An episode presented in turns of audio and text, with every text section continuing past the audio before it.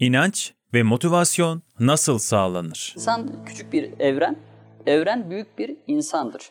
Ee, nasıl ki küçücük bir tohumda koskocaman bir çınar ağacının bütün kodları yüklüyse ve o tohum çınar ağacına dönüşebiliyorsa ya da kuruyup kalabiliyorsa insan da aynı böyledir. Ee, Ayet-i kerimede geçiyor zaten. Biz insanı en güzel haliyle yarattık diyor Allahu Teala.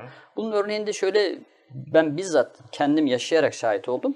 Ee, bir yerde bir garson kardeşimizin servisine dikkat dikkatimi çekti. Servis yapıyordu. Şöyle bir baktım dedim ya bu eli kolu ne kadar güzel. Bu işe ne kadar uygun. İnsanı o esnada süzüyorum insan olarak.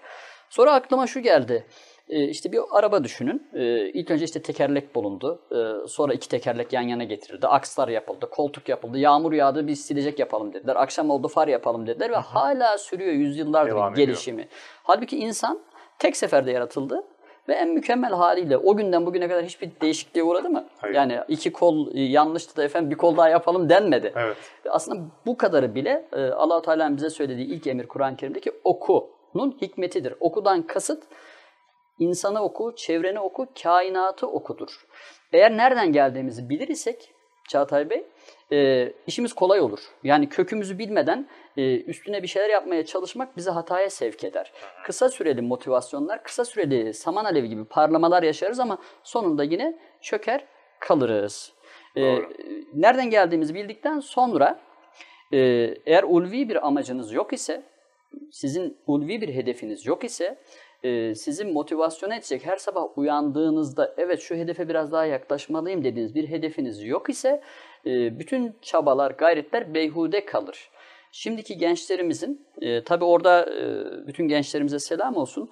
Gençlere ben çok kızıyorum ama gençlerden daha çok kendimize kızıyorum. Çünkü bu genç kardeşlerimiz e, bizleri model aldılar. Öğretmenlerini aldılar, hocalarını aldılar, onların anlattıklarını dinlediler. Nereye kadar kızıyorum biliyor musunuz Çağatay Bey? Belli bir akıl olgunluğuna erene kadar. E akıl olgunluğuna erdi diyelim biz eksiyiz ve yanlışız. E gençler Allah size bir akıl fikir verdi. O saatten sonra siz bu akılla hareket edin.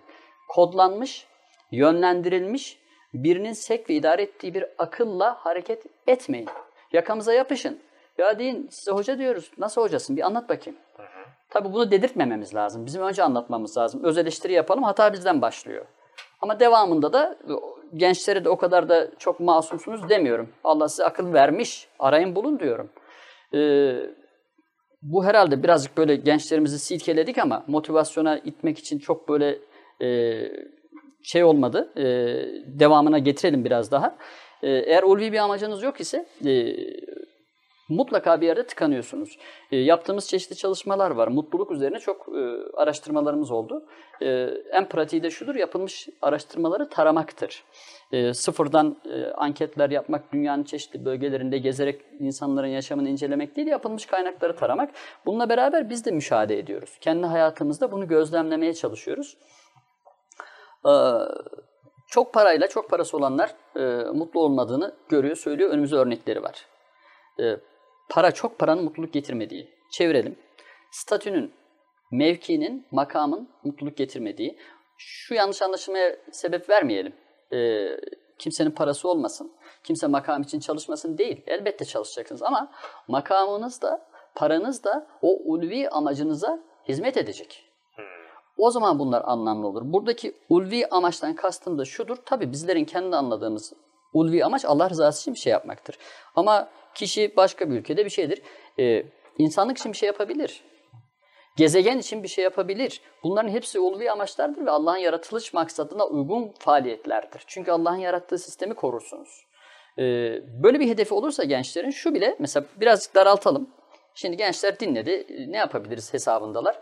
En azından e, üniversite ikinci sınıfa giden bir e, kardeşimiz üniversiteye hazırlanan birine yol, yol gösterebilir. Tabii. Der ki öyle değil şöyle yapabilirsin. Bu, bu, bu bir ulvi amaçtır. Çünkü insana bir yatırım yapmıştır.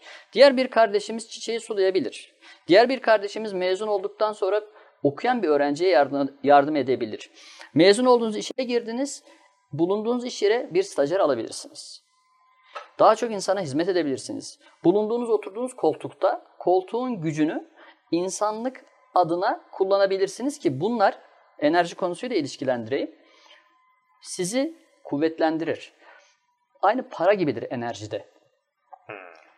enerji ne diyelim efendim birikiminiz artar. Çok kuvvetli olursunuz. Arkanızda müthiş bir itici güç olur bu manada. Şeylere dikkat edin lütfen. Hatırlayın hatta e, bu motivasyon için o kadar e, kuvvetli bir destektir ki bir amacınızın olması. E, tarihte gelmiş geçmiş e, liderler bunların e, bazılarının amacı bizim bahsettiğimiz amaç şeklinde olmasa bile amacı dünyayı ele geçirmek. A kişisinin çok böyle örnekler çıktı. Ve bu amaç içinde önüne geleni kesmiş, asmış, çoluk çocuk dinlememiş yani. E, düşünsenize hatalı bir gaye bile motivasyon unsuru olabilmiş. Gözü hiçbir şey gör, dümdüz gitmiş. E düşünsenize bir de e, efendim gayeniz makbul bir gaye ve aynaya baktığınızda kendinizden utanmadığınız, kendinizden nefret etmediğiniz bir gaye üzerine çalışıyorsunuz. Müthiş bir itici güç olur bu.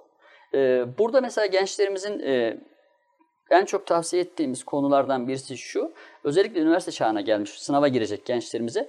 E, seçtiniz mi mesleğinizi diye soruyoruz. Birçoğu ya diyor işte şu meslekler arasında tereddütteyim. E bakıyorum ki bana söylediği meslekler birisi A köşesinde, birisi K, birisi Z.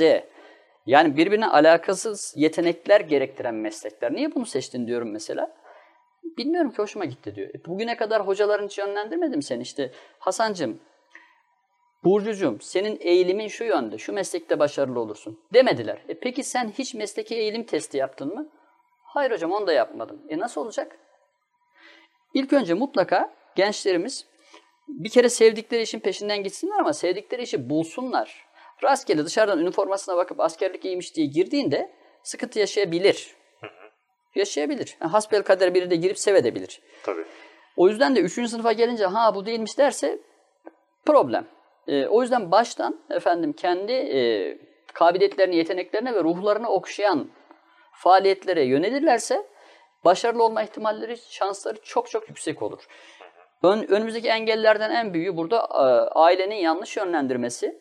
Diğer bir engel öğretmenlerinin, hocalarının hiç yönlendirmemesi.